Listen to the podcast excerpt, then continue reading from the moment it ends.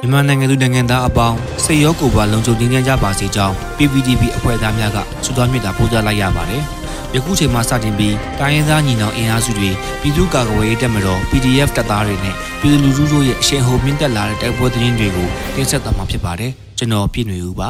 ။ပထမအဦးဆုံးအနေနဲ့ပလဲချိုးချောင်းတရားတိုက်ပွဲစစ်ကောင်စီ20ခန့်ထိကြိုက်တဲ့သတင်းတင်ဆက်ပေးသွားမှာဖြစ်ပါတယ်။ ကလေးကံကောဘက်မှပလဲမြို့နယ်အတွင်းဝင်ရောက်လာတဲ့အင်အား90ခန့်ရှိစစ်ကောင်စီရှေ့ပြေးစစ်ကြောင်းကို59မိုင်နဲ့အင်းတော်ပြန့်အကြားကျွန်းချောင်းတရားရှိဘက်တွင်ဗိုလ်နဂါဥဆောင်တဲ့ပလဲမြို့နယ်ပြည်သူ့ကာကွယ်ရေးတပ်ဖွဲ့တပ်ရင်းက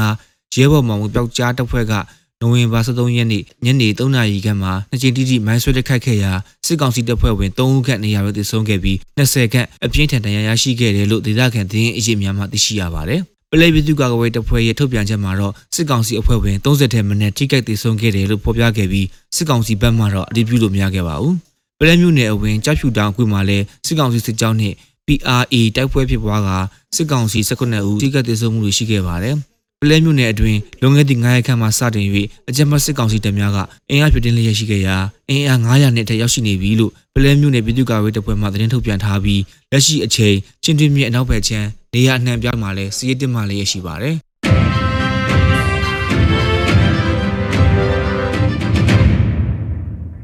ဆက်လက်ပြီးရေဦးတွင်ဒေသကာကွယ်ရေးတပ်မှစစ်ကောင်စီကိုမိုင်းခွဲတိုက်ခိုက်ခဲ့တဲ့တဲ့တင်ဆက်ပေးသွားမှာဖြစ်ပါတယ်။ရေဦးမြို့နယ်တမာတော့မူးပေါင်တနေရာတွင်စစ်ကောင်စီစစ်ကြောင်းကိုဒေသကာကွယ်ရေးပူးပေါင်းအဖွဲ့ကယနေ့နိုဝင်ဘာလ14ရက်နေ့မနက်မှာမိုင်းခွဲတိုက်ခိုက်ခဲ့တာကြောင့်စစ်ကောင်စီဘက်မှ9ဦးထက်မနည်းထိခိုက်မှုတွေရှိခဲ့တယ်လို့ဒေသခံတွေကဆိုပါတယ်။စစ်ကောင်စီဘက်မှတော့အတည်ပြုလို့မရခဲ့ပါဘူး။ စစ်ကောင်စီတပ်ဖွဲ့တွေဟာရေဦးနယ်ရှိအပြစ်မဲ့ရွာတွေကိုဝင်ရောက်ဖျက်ဆီးလူရက်နေပြီးဒီခုခံကာကွယ်တဲ့အနေနဲ့မန်ဆွဲတက်ခတ်ခဲ့တာလို့ရေဦးပကဖာနီဇက်သူကချင်းတွင်း review ကိုဖိတ်ကြားခဲ့ပါတယ်။လက်တလောရေမြတ်ကြီးရွာကိုစစ်ကောင်စီအဖွဲ့ကဝင်ရောက်ဖျက်ဆီးနေတယ်လို့ပြည်သူ့ကာကွယ်ရေးအဖွဲ့ရေဦးမှလည်းသတင်းထုတ်ပြန်ထားပါတယ်။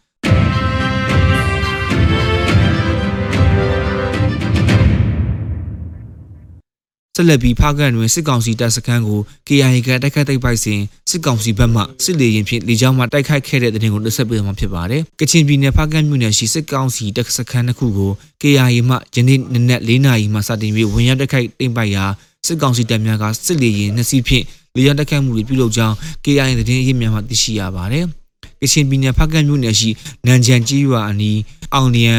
ဆိုင်းဂျာ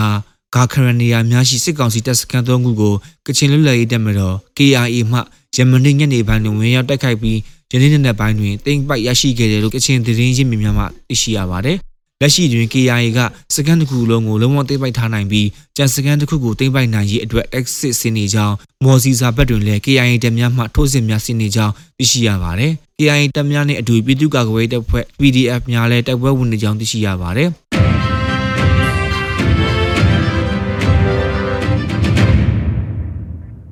နောက်ဆုံးအနေနဲ့အမျိုးသားညီညွတ်ရေးအစိုးရပြည်ထရေးနှင့်လူဝင်မှုကြီးကြပ်ရေးဝန်ကြီးဌာနမှနိုဝင်ဘာလ14ရက်ရက်စွဲနဲ့ထုတ်ပြန်တဲ့ပြည်သူ့ခုခံတော်လှန်စစ်သတင်းအချက်အလက်တွေကိုတင်ဆက်ပေးသွားမှာဖြစ်ပါတယ်။အာနာတင်ကျန်းဖက်စစ်အုပ်စုပြည်သူလူထုအပေါ်အကြမ်းဖက်ဖိနှိပ်ဗစီတိုက်ခိုက်တပ်ဖြတ်နေမှုများကိုပြည်သူလူထုတရလုံးကအသက်ရှင်တန်ရေးအတွက်မိမိကိုမိမိ